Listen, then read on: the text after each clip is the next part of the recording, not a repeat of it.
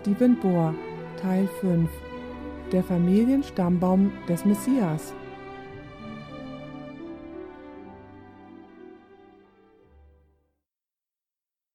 Lasst uns beten. Unser Vater im Himmel, wir danken dir so sehr für das Vorrecht, in deinem Haus für diesen wichtigen Vortrag über den Familienstammbaum des Messias zu sein. Wir bitten dich um die Führung deines Heiligen Geistes, wenn wir nun dein heiliges Wort öffnen, und wir danken dir, dass du uns hörst, denn wir bitten dies im Namen Jesu. Amen. Ich möchte unser Studium beginnen, indem ich zum Buch der Psalmen gehe und dort Kapitel 8. Und ich möchte die Verse 3 bis 5 lesen. Psalm 8, Verse 3 bis 5. Und dort gibt es zwei Dinge, die ich unterstreichen möchte. Hier schreibt David die folgenden Worte.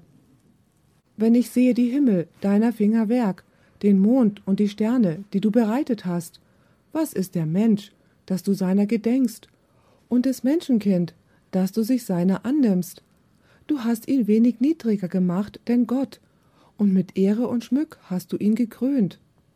Nun möchte ich, dass ihr seht, dass uns in Vers 5 gesagt wird, dass Gott den Menschen mit Herrlichkeit, so heißt es im Original Hebräischen, und Ehre gekrönt hat. Nun, wer wird gekrönt? Ein König. Und so finden wir hier sehr klar offenbart, dass Adam erschaffen worden ist, um König zu sein.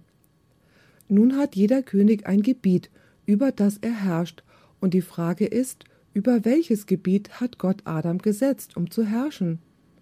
In den Versen 6 bis 8 wird erwähnt, worüber dieser neue König herrschen sollte.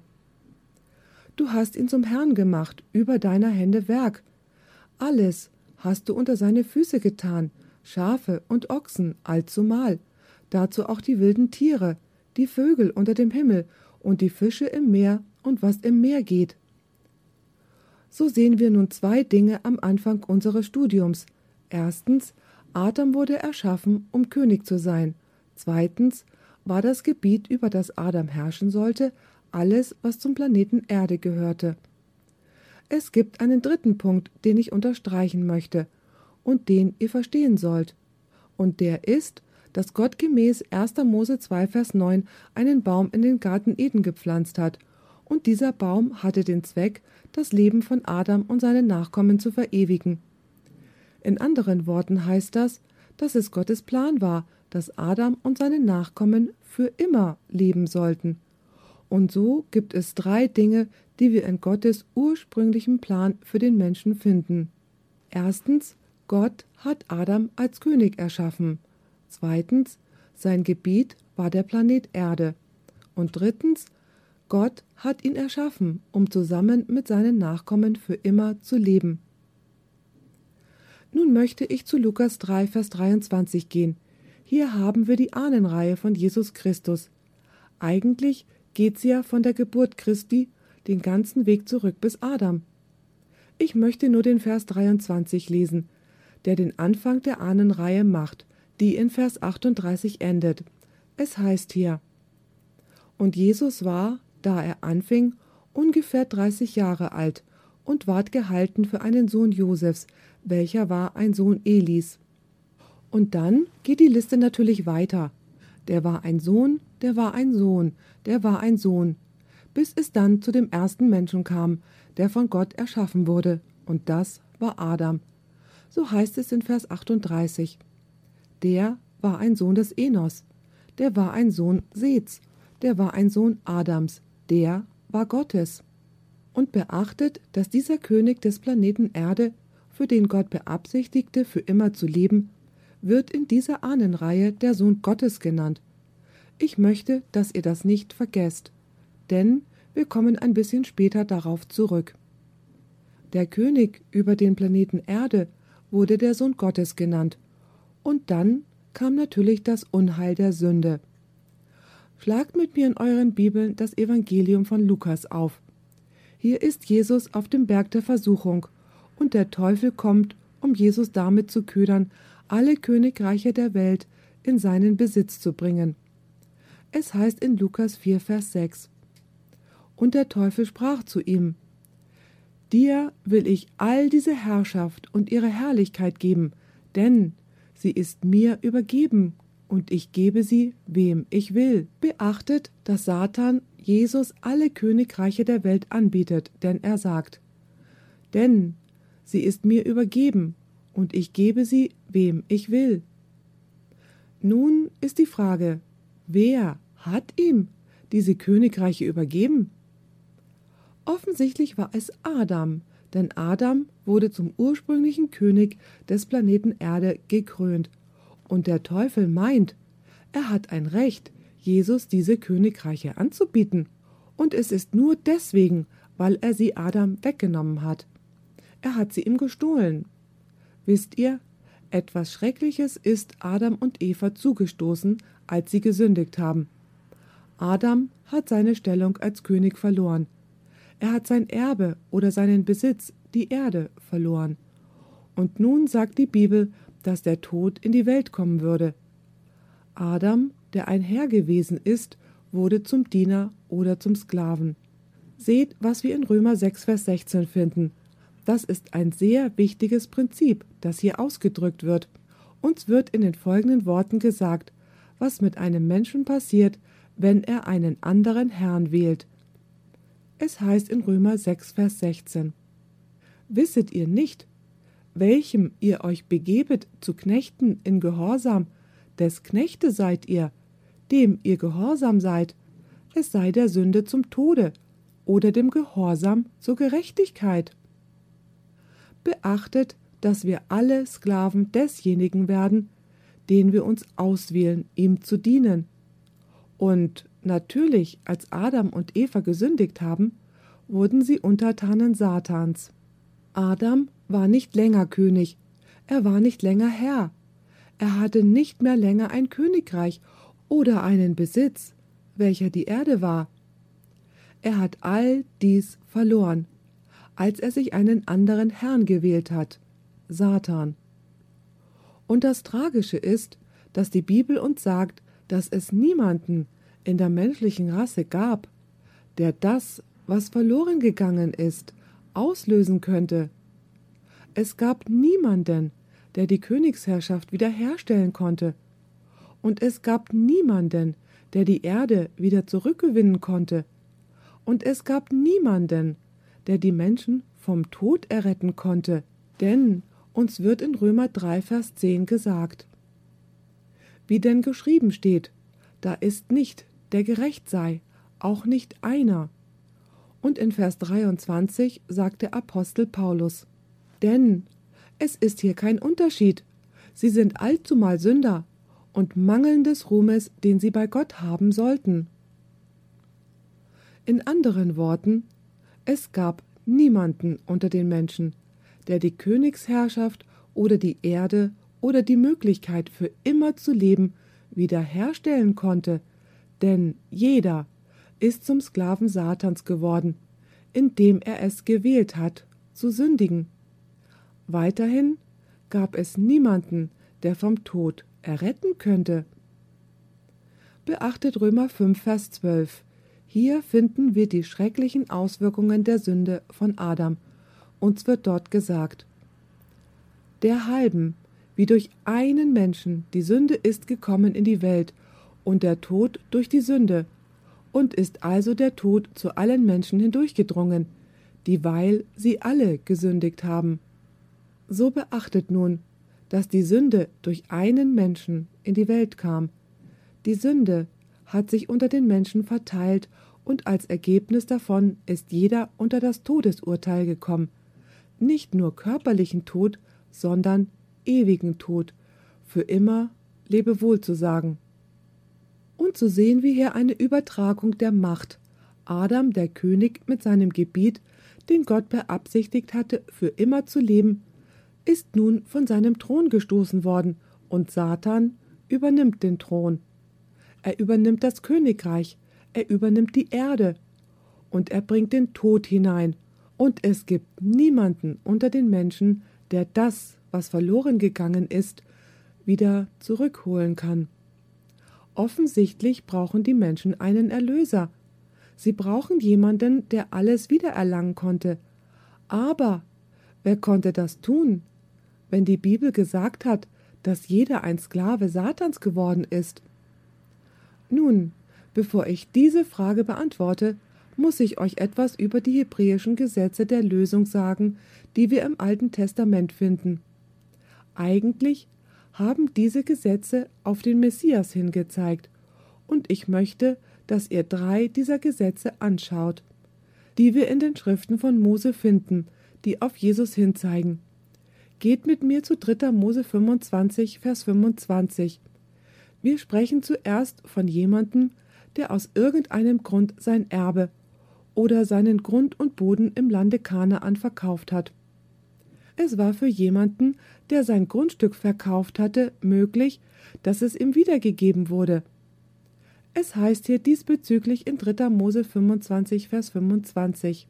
Und wenn dein Bruder verarmt und verkauft seine Habe, und sein nächster Verwandter kommt zu ihm, dass er es löse, so soll er es lösen, was sein Bruder verkauft hat. Das bedeutet alles, was er gehabt hat. Seht, was uns hier gesagt wird, ist, dass die Person, die den Besitz, der verkauft wurde, der Grund und Boden, das Grundstück, lösen oder wiedererlangen konnte, ein nächster Verwandter war. Ein Bruder oder ein sehr naher Verwandter konnte tatsächlich den Preis bezahlen, um das zurückzuerhalten, was von dem ursprünglichen Eigentümer verkauft worden war. Nun, was war aber, wenn dieser Mensch sich selbst in die Sklaverei verkauft hatte? Er hat nicht seinen Besitz, sondern sich selbst verkauft. Seht, was uns 3. Mose 25, Verse 48 und 49 sagen. Er soll nach seinem Verkaufen Recht haben, wieder frei zu werden, und es mag ihn jemand unter seinen Brüdern auslösen, oder sein Vetter oder Vetters Sohn, oder sonst ein Blutsfreund seines Geschlechts, oder so seine Hand so viel erwirbt, so soll er sich selbst lösen. Übrigens, das Wort lösen bedeutet etwas durch Bezahlung zurückkaufen. Wer konnte ihn lösen? Das bedeutet den Preis bezahlen und damit seine Freiheit zurückkaufen. Ein enger Verwandter. Wenn jemand sich selber in die Sklaverei verkauft hatte, konnte also ein naher Verwandter vorzugsweise ein Bruder, den Preis bezahlen und seine Freiheit zurückkaufen. Ebenso konnte er das Erbe zurückkaufen. Was passierte nun, wenn jemand gestorben war und er hatte keine männlichen Nachkommen, um den Namen der Familie weiterzutragen? Es gab in Israel ein Gesetz, gemäß dem der Name des Verstorbenen, der keine männlichen Nachkommen hatte, weiter bestehen konnte. Es heißt in 5. Mose 25 wie folgt: Wenn Brüder beieinander wohnen und einer stirbt ohne Kinder, so soll des verstorbenen Weib nicht einen fremden Mann draußen nehmen, sondern ihr Schwager soll sich zu ihr tun und sie zum Weibe nehmen und sie ehelichen. Wir finden drei Gedanken in diesem Gesetz der Lösung. Erstens, ein naher Verwandter konnte den Preis bezahlen und den verkauften Besitz zurückkaufen. Zweitens, ein naher Verwandter, vorzugsweise ein Bruder, konnte den Preis bezahlen, um die Freiheit zurückzukaufen. Drittens, wenn der Name aus der menschlichen Geschichte verschwinden würde, konnte ein naher Verwandter die Frau des verstorbenen Mannes heiraten, um den Namen zu erhalten. Nun, was brauchte die menschliche Rasse? Sie brauchte einen nächsten Verwandten, der den Preis bezahlen konnte, um den verloren gegangenen Besitz sowie die Freiheit zurückzukaufen, und der sozusagen die Gemeinde heiraten konnte und den Namen derjenigen verewigen, die ohne Hoffnung gestorben sind.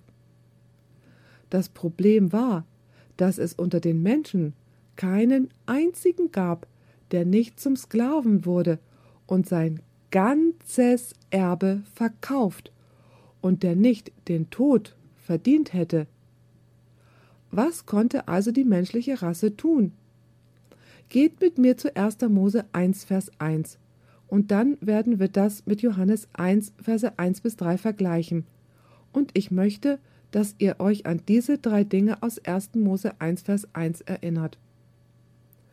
Am Anfang schuf Gott Himmel und Erde. Die Frage ist, wer war der Schöpfer?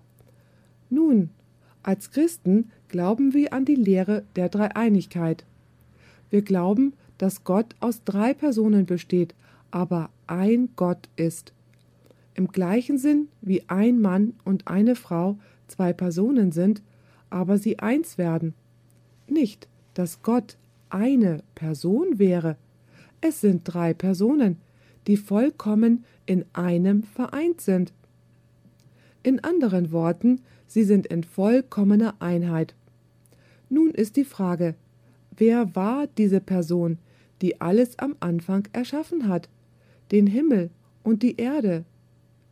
Nun, die Bibel gibt uns die Antwort zu dieser Frage. Geht mit mir zu Johannes 1, Verse 1 bis 3. Es heißt hier: Am Anfang war das Wort.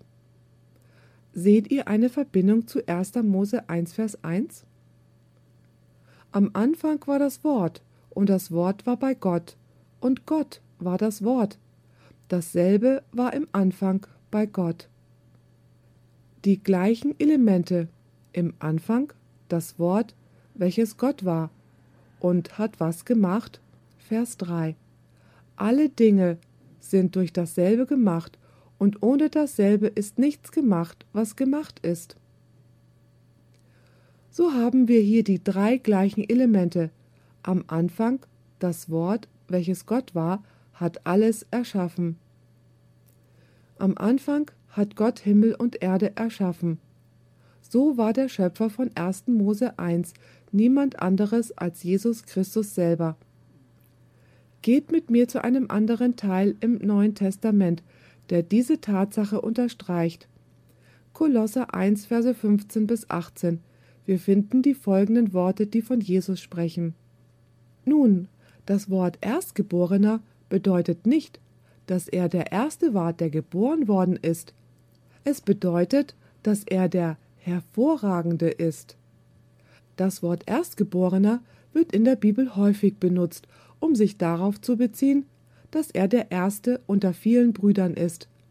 Er ist der Allerwichtigste, er ist der Überragende.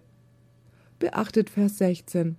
Denn durch ihn, das ist Christus, ist alles erschaffen, was im Himmel und auf Erden ist, das Sichtbare und das Unsichtbare, es seien Throne oder Herrschaften oder Fürstentümer oder Obrigkeiten, es ist alles durch ihn und zu ihm erschaffen und er ist vor allem, und es besteht alles in ihm.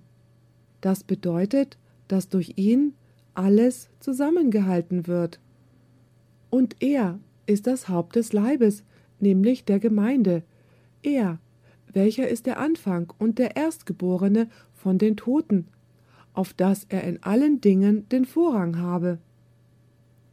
Nun ist die Frage, Wer war der Schöpfer in 1. Mose 1 bis 3?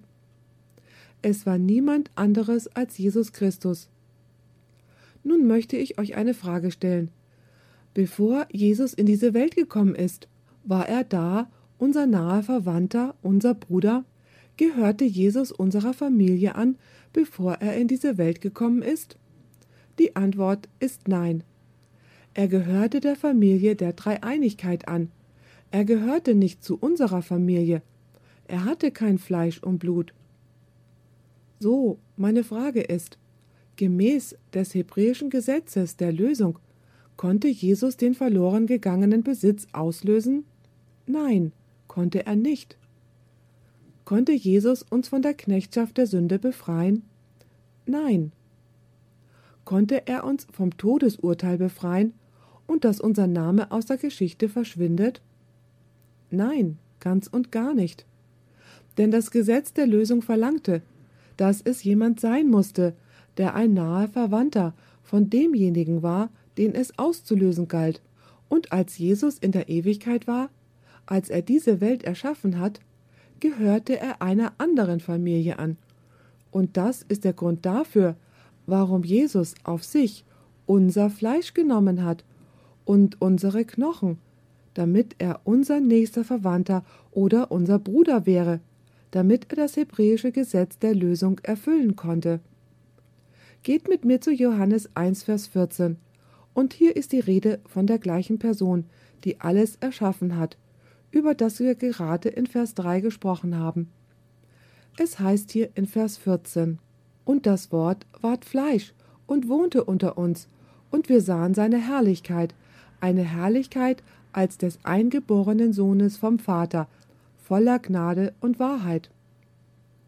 Beachtet, dass das Wort, das bei Gott war und das Gott war, und zu was wurde oder was hat er auf sich genommen? Er hat das Fleisch auf sich genommen. Er hat sich in unsere Familie eingefügt und nahm teil an unserem Fleisch, unseren Knochen und unserem Blut. Seht nun Hebräer 2, Vers 14, was genau das Gleiche betrifft. Es heißt hier, Nachdem nun die Kinder, das sind wir, Fleisch und Blut haben, ist er dessen gleichermaßen teilhaftig geworden, auf dass er durch den Tod die Macht nehme dem, der des Todes Gewalt hatte, das ist der Teufel. Jesus, der der Familie der Dreieinigkeit angehörte, wurde unser Fleisch und Blut und hat unter uns gewohnt. In anderen Worten, er wurde unser Verwandter, er wurde unser Bruder. Und als unser nächster Verwandter konnte er nun das hebräische Gesetz der Lösung erfüllen. Im Übrigen war die Mission, dass Jesus in diese Welt kam, mit zweifacher Absicht. Ich möchte hier etwas einschieben. Warum kam Jesus in die Welt? Er kam aus mehreren Gründen, aber es gibt zwei Hauptgründe, und die werden in dem Opfer des Lammes im Tempeldienst des Alten Testamentes wiedergespiegelt. Erinnert ihr euch daran, dass wenn ein Israelit oder ein Priester ein Lamm brachte, und bevor er dieses Lamm opferte, was musste der Priester sicherstellen? Er musste sicherstellen, dass dieses Lamm keinen Makel hatte. In anderen Worten, es musste ein vollkommenes Lamm sein. Es durfte keinen Flecken haben, und der Priester musste es sehr sorgsam untersuchen, um sicherzustellen, dass es ganz bestimmt keine Flecken oder Makel hatte. Und wenn der Priester gesehen hat, dass das Lamm keinen Makel hatte, dann hat er es für die Sünden von Israel geopfert. In dieser Zeremonie mit dem Lamm gibt es zwei Gründe, warum Jesus in diese Welt gekommen ist. Manchmal betonen wir es so sehr, dass Jesus in diese Welt gekommen ist, um als Lamm zu sterben, dass wir vergessen, dass Jesus, bevor er als Lamm sterben konnte, er ein vollkommenes, unbeflecktes, makelloses Leben führen musste, damit sein Tod überhaupt einen Wert für uns hätte. Und das ist der Grund, warum es in 1. Petrus von Jesus als das Lamm spricht, das ohne Flecken und Makel ist, der uns erlöst hat, indem er den Preis seines wertvollen Blutes für unsere Sünden bezahlt hat. Es heißt hier in 1. Petrus 1, Verse 18 bis 20. Und wisset, dass ihr nicht mit vergänglichem Silber oder Gold erlöst seid von eurem eitlen Wandel nach väterlicher Weise, sondern mit dem teuren Blut Christi, als eines unschuldigen und unbefleckten Lammes, der zwar zuvor ersehen ist, ehe der Welt Grund gelegt ward, aber offenbart zu den letzten Zeiten um euretwillen. Und so kam Jesus in diese Welt aus zwei Gründen. Erstens, er kam, um ein vollkommenes Leben zu leben, ohne auch nur einmal zu sündigen.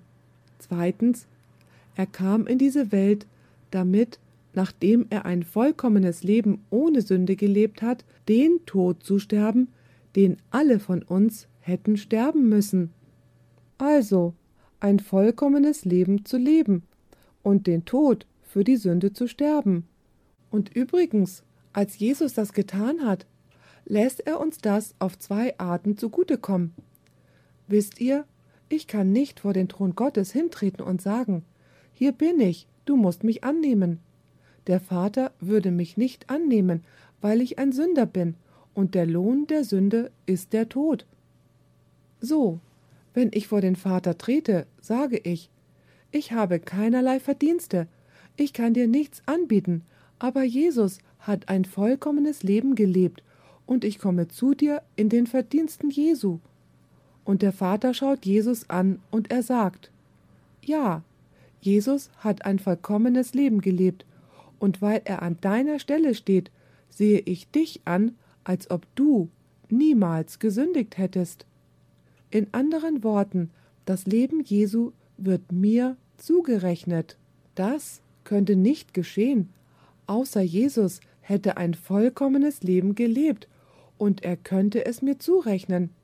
Aber zweitens, Jesus ist für meine Sünden gestorben. Er ist den Tod gestorben, den ich hätte sterben sollen, damit er vor seinen Vater treten kann und sein Vater ihn dann fragt, wo ist Pastor Bohr? Nun, Pastor Bohr ist nicht hier. Ich stehe stellvertretend für ihn hier. Nun, Pastor Bohr sollte sterben.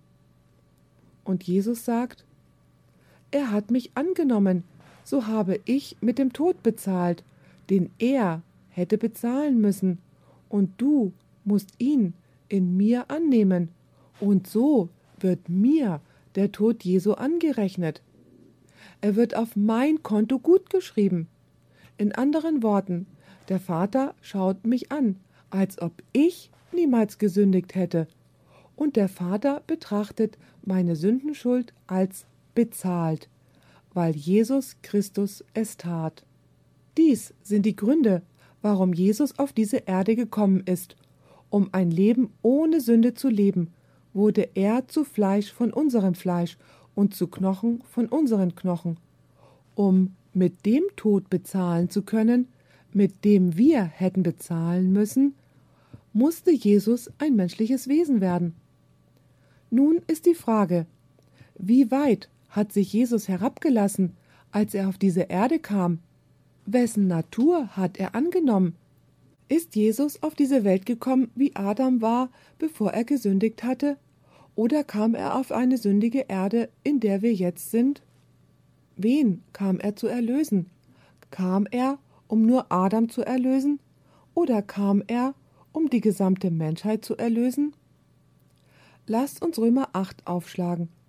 Der Apostel Paulus macht diesen Punkt sehr, sehr deutlich, warum Jesus in diese Welt gekommen ist. Er wurde unser nächster Verwandter, und das auf alle Art und Weise, außer dass er gesündigt hat. Römer 8, Verse 1 bis 4. So ist nun nichts Verdammliches an denen, die in Jesus Christus sind, die nicht nach dem Fleisch wandeln, sondern nach dem Geist. Denn das Gesetz des Geistes, der da lebendig macht, in Jesus Christus, hat mich frei gemacht von dem Gesetz der Sünde und des Todes. Nun beachtet Vers 3. Denn was dem Gesetz unmöglich war, war sintemal es durch das Fleisch geschwächt ward. In anderen Worten, das Gesetz konnte mich wegen meines sündigen Fleisches nicht erlösen, denn mein Fleisch gibt der Sünde nach. Es heißt weiter, und das tat Gott und sandte seinen Sohn in der Gestalt des sündlichen Fleisches und der Sünde halben und verdammte die Sünde im Fleisch, auf dass die Gerechtigkeit vom Gesetz erfordert, in uns erfüllt würde, die wir nun nicht nach dem Fleische wandeln, sondern nach dem Geist. Anders ausgedrückt, Jesus hat mein Fleisch, dein Fleisch, auf sich genommen. Er wurde zu Fleisch von unserem Fleisch und zu Knochen von unseren Knochen. Er kam, um den verloren gegangenen Besitz zurückzugewinnen. Er kam, um uns aus der Sklaverei der Sünde zu befreien. Und er kam, um uns von dem Todesurteil zu erlösen. Nun lasst uns Lukas 1 aufschlagen und etwas sehr Interessantes anschauen. Ihr erinnert euch, dass wir die Ahnenreihe in Lukas 3 gelesen haben und wir haben gesehen, dass Adam der Sohn Gottes genannt wird. Nun seht, wie Jesus genannt wird, nachdem er in die Welt gekommen ist. Lukas 1, Vers 35. Maria wird hier angesprochen, und es heißt wie folgt. Der Engel antwortete und sprach zu ihr, Der Heilige Geist wird über dich kommen, und die Kraft des Höchsten wird dich überschatten. Darum wird auch das Heilige, was von dir geboren wird, Gottes Sohn genannt werden. Wie sollte Jesus genannt werden, nachdem er geboren wurde? Er würde der Sohn Gottes genannt werden. Nun, wer wurde der Sohn Gottes am Anfang genannt? Adam. Dies muss bedeuten, dass Jesus in diese Welt kam, um der zweite Adam zu sein. Jesus kam, um das wiederzugewinnen, was der erste Adam verloren hatte. Er kam, um Adams Platz einzunehmen. Er kam, um die Krone wiederzubekommen.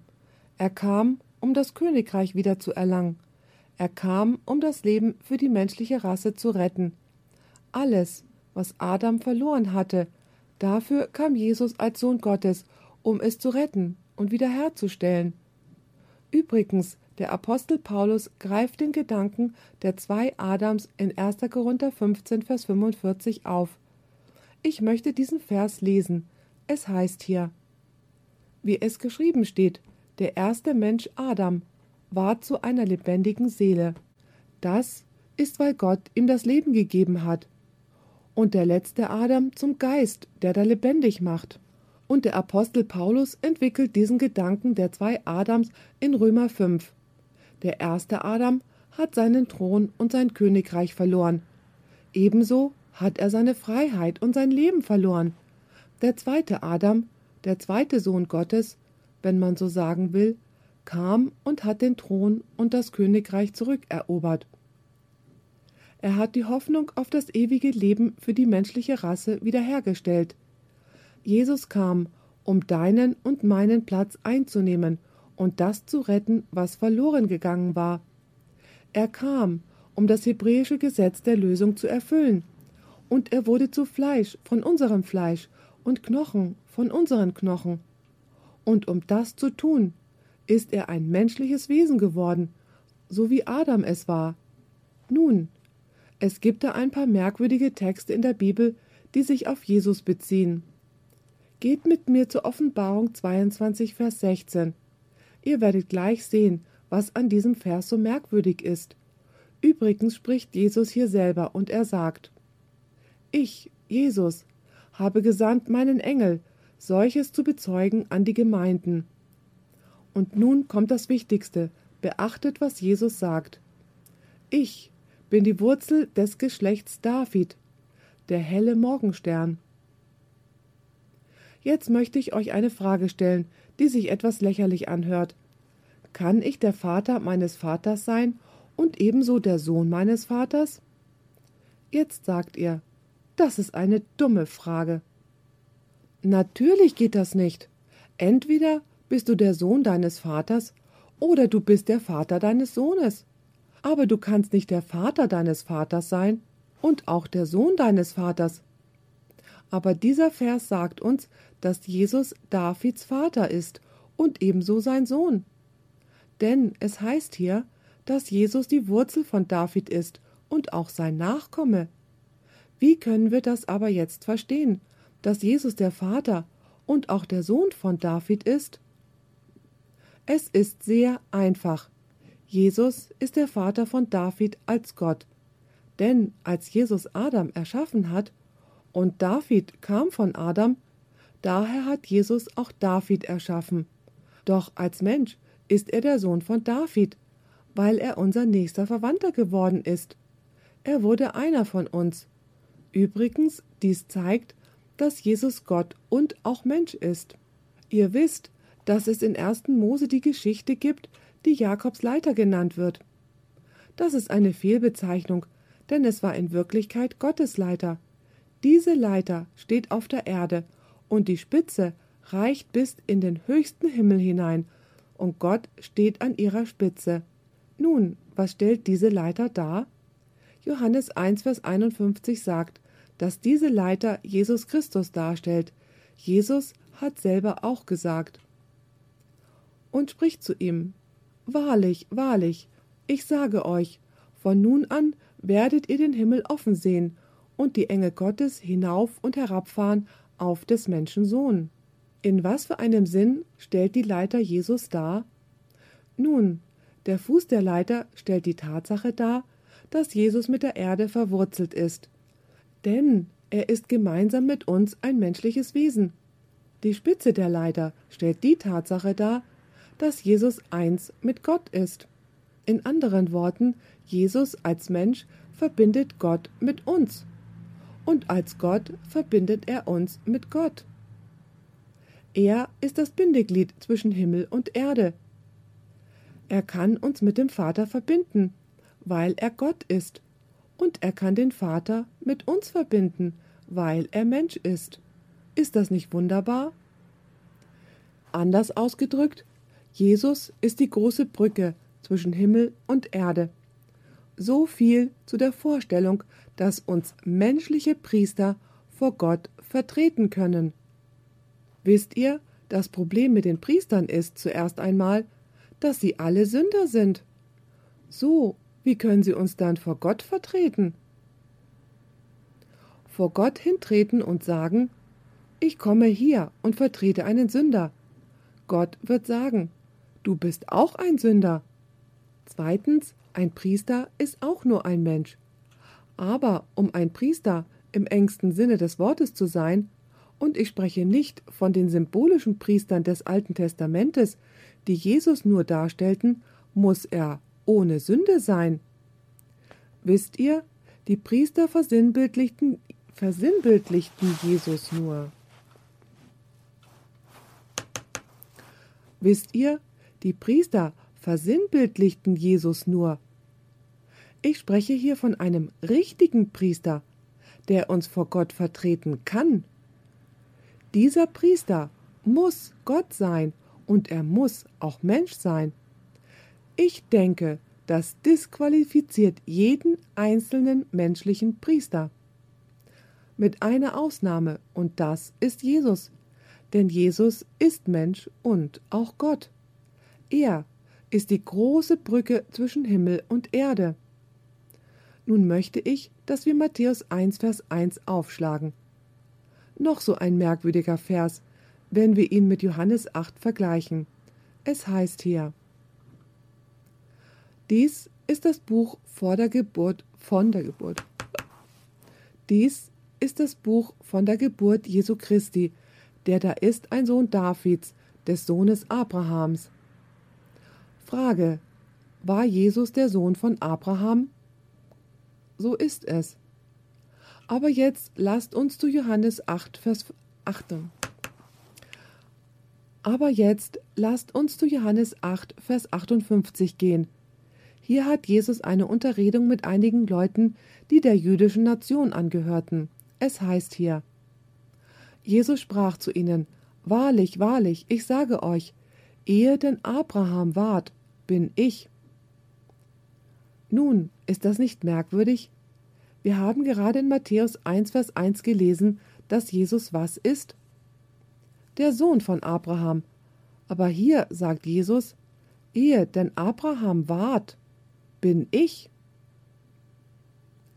So ist Jesus der Vater von Abraham und er ist auch der Sohn von Abraham. Er ist der Vater von Abraham, weil er Gott ist und er ist der Sohn von Abraham, weil er Mensch ist. Lasst uns nun etwas über die Beziehung mit Jesus sagen. Geht mit mir nun zu Galater 4, Verse 4 bis 7. Hier finden wir eine Beschreibung zwischen dem Vater, Jesus und uns. Ihr habt bemerkt, dass ich gesagt habe, dass wir nicht in die Gegenwart Gottes kommen und sagen können, nimm mich an, weil wir Sünder sind. Wir brauchen einen Vermittler. Nun lasst uns Galater 4, Verse 4 bis 7 lesen. Und es heißt hier: Da aber die Zeit erfüllet ward, sandte Gott seinen Sohn, geboren von einem Weibe und unter das Gesetz getan. Nun beachtet Vers 5. Auf dass er, die so unter dem Gesetz waren, erlöste. Das bedeutet, den Preis zu zahlen, um zu kaufen, dass wir die Kindschaft empfingen. So kam Jesus in diese Welt, um uns vom Tod und von der Knechtschaft zu erlösen, und dass wir als Kinder angenommen werden würden. Vers 6 Weil ihr denn Kinder seid, hat Gott gesandt den Geist seines Sohnes in eure Herzen, der schreit, aber, lieber Vater. Also ist nun hier kein Knecht mehr, sondern Kinder. Sind es aber Kinder, so sind es auch Erben Gottes durch Christus. Nun möchte ich, dass ihr etwas sehr Interessantes in diesem Text bemerkt. Sagt dieser Text aus, dass Jesus der Sohn Gottes ist? Hat Gott den Geist seines Sohnes gemäß dieses Textes in uns ausgegossen? Ja. Sagt dieser Text auch aus, dass wenn wir Jesus annehmen, wir auch zu Kindern Gottes werden? Ja. So hat Gott Jesus, der sein Sohn ist, und er hat uns, die wir auch seine Kinder sind. Nun ist die Frage, ist Jesus die gleiche Art von Sohn, wie wir es sind? Die Antwort ist ganz und gar nicht. Es gibt nur einen, der es verdient, der Sohn Gottes genannt zu werden. Übrigens wusstet ihr, dass Johannes, und dies ist nicht nur im Johannesevangelium der Fall, wenn er von Christus als den Sohn Gottes spricht, er das griechische Wort Kueos benutzt? Aber jedes Mal, wenn Johannes von uns spricht, dann benutzt er dieses Wort Kueos nicht. Er benutzt es nur für Jesus. Wenn er von uns als die Söhne Gottes spricht, dann benutzt er das griechische Wort Technon. Auf diese Art und Weise sagt Johannes damit, dass Jesus der Sohn Gottes in einem anderen Sinn ist, als wie ich der Sohn Gottes bin. In der Tat, als ich in diese Welt geboren wurde, wurde ich als Sohn Adams geboren. Ich bin ein Sohn des gefallenen Adam. Ich bin ein Kind des Zornes. Wir mögen es nicht hören, aber wir sind Kinder des Teufels. Jesus sagte zu den Juden in Johannes 8, Vers 44, Ihr seid von dem Vater, dem Teufel, weil sie nicht bekehrt waren. Und so, wenn ich in diese Welt geboren werde, dann werde ich nicht als Sohn Gottes geboren. Ich werde in diese Welt als ein Kind des Zorns geboren. Der Einzige, der ein Leben gelebt hat, das verdient, der Sohn Gottes genannt zu werden, ist Jesus. Und doch sagt dieser Text, dass Jesus der Sohn Gottes ist und wir Söhne Gottes sind. Nun ist die Frage, wie werden wir zu Söhnen Gottes? Die Antwort ist sehr einfach. Wir werden zu Söhnen und Töchtern Gottes, indem wir Brüder und Schwestern von Jesus werden. Versteht ihr, was ich sage? In anderen Worten, ich kann nicht direkt beanspruchen, Sohn oder Tochter Gottes zu sein. Ich muss mit Jesus verbunden sein. Und wenn ich Jesus angenommen habe, werde ich zu einem Bruder oder einer Schwester von Jesus. Er ist dann mein nächster Verwandter. Und dann kann Jesus vor seinen Vater treten und sagen Vater, ich habe einen neuen Bruder. Und der Vater fragt Wie heißt dein Bruder? Nun, mein Bruder heißt John. Und so schaut der Vater Jesus an und sagt Nun, wenn John dein Bruder ist und du mein Sohn bist, dann ist John auch mein Sohn. So funktioniert es. Anders ausgedrückt, die einzige Art und Weise, wie ich ein Sohn Gottes genannt werden kann, ist, indem ich mein Leben mit dem Leben Jesu Christi verbinde und sein Bruder, seine Schwester werde, und dann kann ich es beanspruchen, ein Sohn oder eine Tochter Gottes zu sein. Lasst uns nun das Hebräerbuch aufschlagen. Hier wird die große Wahrheit ans Licht gebracht. Hebräer 2, Verse 11 bis 8. Hier sagt der Apostel Paulus, von dem ich glaube, dass er der Autor des Buches an die Hebräer ist, folgendes.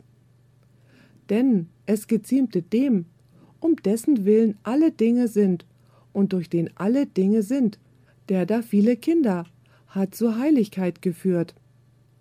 Im Übrigen, es spricht hier vom Vater, dass er den Herzog der Seligkeit durch Leiden vollkommen machte. Seht ihr, wie hier vom Vater und vom Sohn die Rede ist? Der Vater sah es als notwendig an, den Herzog unserer Erlösung vollkommen zu machen. Das bedeutet für sein Werk durch Leiden qualifiziert. Weiter Vers 11. Sintemal sie alle von einem kommen, beide, der da heiligt und die da geheiligt werden. Darum schämt er sich auch nicht. Hier ist die Rede von Jesus, sie Brüder zu heißen. Worüber schämt sich Jesus nicht? Er schämt sich nicht, was zu tun? Uns Brüder zu nennen.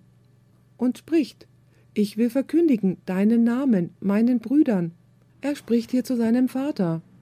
Ich will verkündigen deinen Namen meinen Brüdern und mitten in der Gemeinde dir Lob singen. Und abermals, ich will mein Vertrauen auf ihn setzen. Und abermals, siehe da, ich und die Kinder, welche mir Gott gegeben hat. Seht, Gott hat hier wem seine eigenen Kinder gegeben? Zu Jesus. Vers 14. Nachdem nun die Kinder, das sind die Kinder Gottes, Fleisch und Blut haben, ist er dessen gleichermaßen teilhaftig geworden, auf dass er durch den Tod die Macht nehme dem, der des Todes Gewalt hatte, das ist dem Teufel, und erlöste die, so durch Furcht des Todes im ganzen Leben Knechte sein mussten. Denn er nimmt sich ja nicht der Engel an, sondern des Samens Abrahams nimmt er sich an. Und nun kommt der Schlüsselvers, Vers 17. Daher musste er in allen Dingen seinen Brüdern gleich werden, auf dass er barmherzig würde und ein treuer hoher Priester vor Gott, zu versöhnen die Sünden des Volks. Denn worin er gelitten hat und versucht ist, kann er helfen denen, die versucht werden. Er musste in allen Dingen wie wer werden? Nicht wie Adam, sondern wie seine Brüder. So steht es hier. Er musste in allen Dingen versucht werden, so wie wir es werden, sagt der Apostel Paulus. Außer dass Jesus, obwohl er versucht wurde, niemals was getan hat. Er hat niemals gesündigt. Und so kommt Jesus in diese Welt. Er wird der Sohn Gottes in dieser Welt und nimmt den Platz des ursprünglichen Sohnes Gottes von Adam ein. Und Jesus bezahlte den Preis, nachdem er ein heiliges und vollkommenes Leben gelebt hat. Auf diese Weise gewinnt Jesus den Thron wieder zurück und auch die Krone, ebenso die Erde.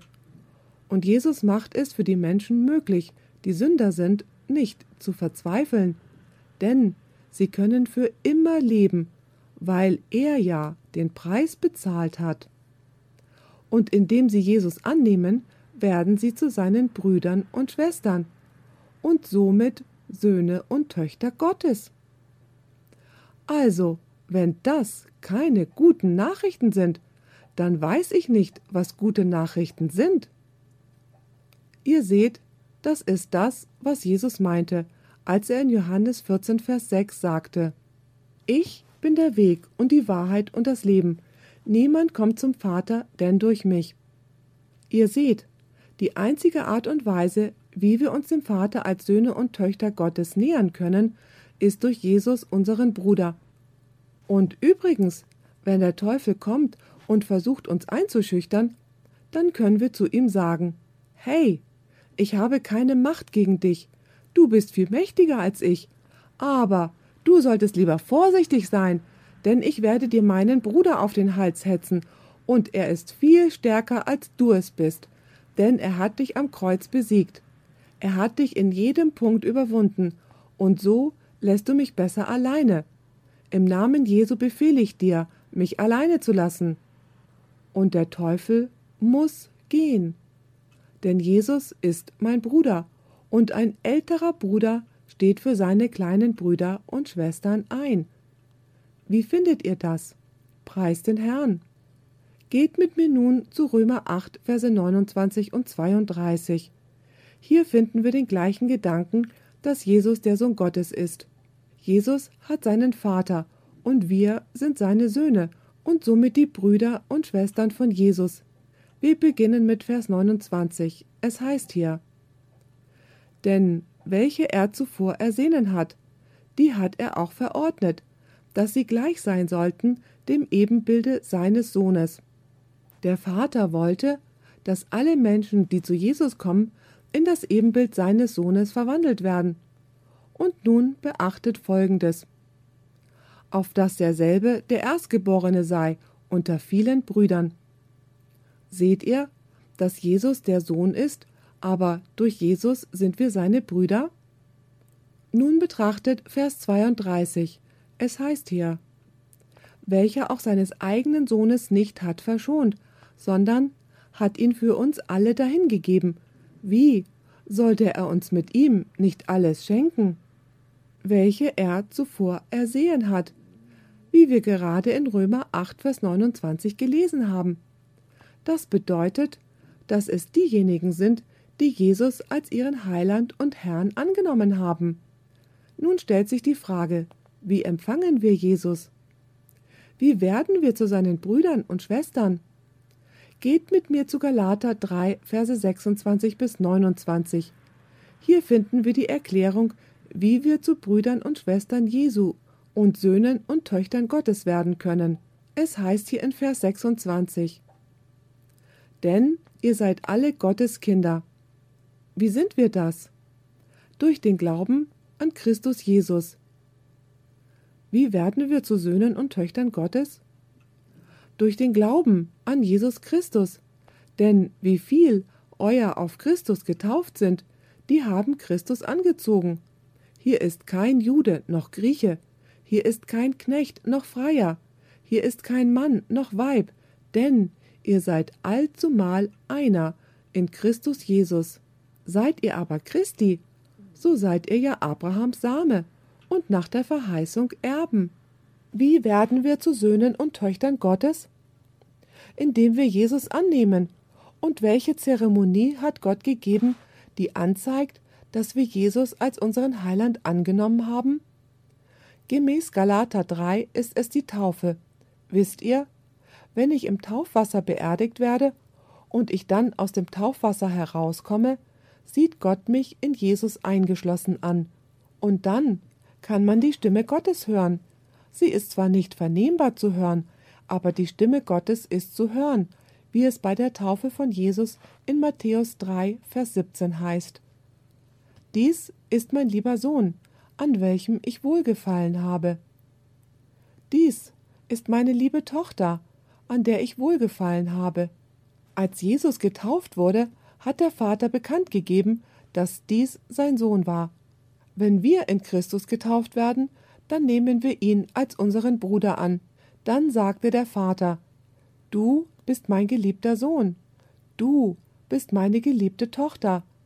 Das Wunderbare ist, meine Lieben, dass durch Jesus alles wieder zurückerhalten werden kann, was verloren gegangen ist.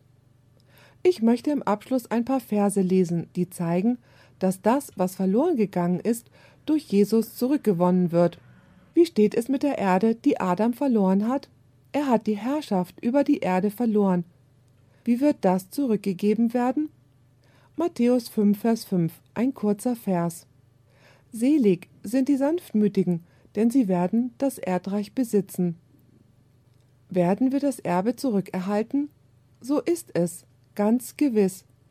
Durch Jesus sind wir von der Knechtschaft der Sünde befreit worden und sind wir durch Jesus zu Söhnen und Töchtern Gottes geworden? Ja. Seht ihr, Adam hat uns in die Sklaverei, in die Knechtschaft verkauft, aber Jesus hat nicht nur die Erde zurückgekauft, um sie uns als Erbe zu geben, aber Jesus hat uns von der Knechtschaft der Sünde befreit. Schaut, was wir in Galater 4, Vers 7 finden.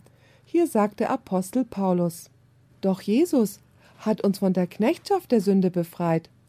Schaut, was wir in Galater 4, Vers 7 finden. Hier sagt der Apostel Paulus. Also ist nun hier kein Knecht mehr, sondern Kinder. Sind es aber Kinder, so sind es auch Erben Gottes durch Christus. Sind wir noch Knechte? Nicht wie es hier heißt. Sind wir noch enterbt? Nein. Denn wir sind durch Jesus Erben dessen, was verloren gegangen war. Nun, wie steht es um die Verewigung der Namen der Toten? Wisst ihr, hier ist die Stelle, wo das Symbol des Alten Testamentes nicht so vollkommen ist wie die Wirklichkeit. Seht, im Alten Testament war es so, dass wenn ein Mann ohne einen männlichen Nachkommen gestorben ist und damit der Name des Verstorbenen weiter bestehen würde, musste ein naher Verwandter seine Frau heiraten. Aber seht ihr, die Wirklichkeit ist in diesem Punkt viel größer als das Symbol. Denn als Jesus auf diese Welt gekommen ist, ist er nicht nur gekommen, um unseren Namen zu verewigen. Er kam, um zu sterben, denn er wollte uns verewigen, nicht nur unseren Namen. Aber er wird uns von den Toten auferwecken, und dann wird er uns verewigen. Er ist nicht nur daran interessiert, dass unser Name nicht aus dem Buch des Lebens ausgelöscht wird, sondern er ist daran interessiert, uns von den Toten aufzuerwecken, da wir sterben werden und dass wir für immer und ewig in seiner Gegenwart leben. Durch Jesus wird alles wiederhergestellt werden, was verloren gegangen ist, und alles, was wir zu tun brauchen, ist, Jesus anzunehmen, wie er in Johannes 14, Vers 6 sagt. Ich bin der Weg und die Wahrheit und das Leben. Niemand kommt zum Vater, denn durch mich. Mögen wir alle zum Vater kommen.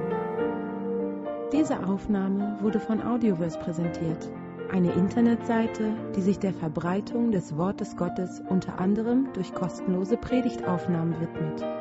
Für mehr Informationen über Audioverse und für weitere Predigten empfehlen wir unsere Internetseite www.audioverse.org.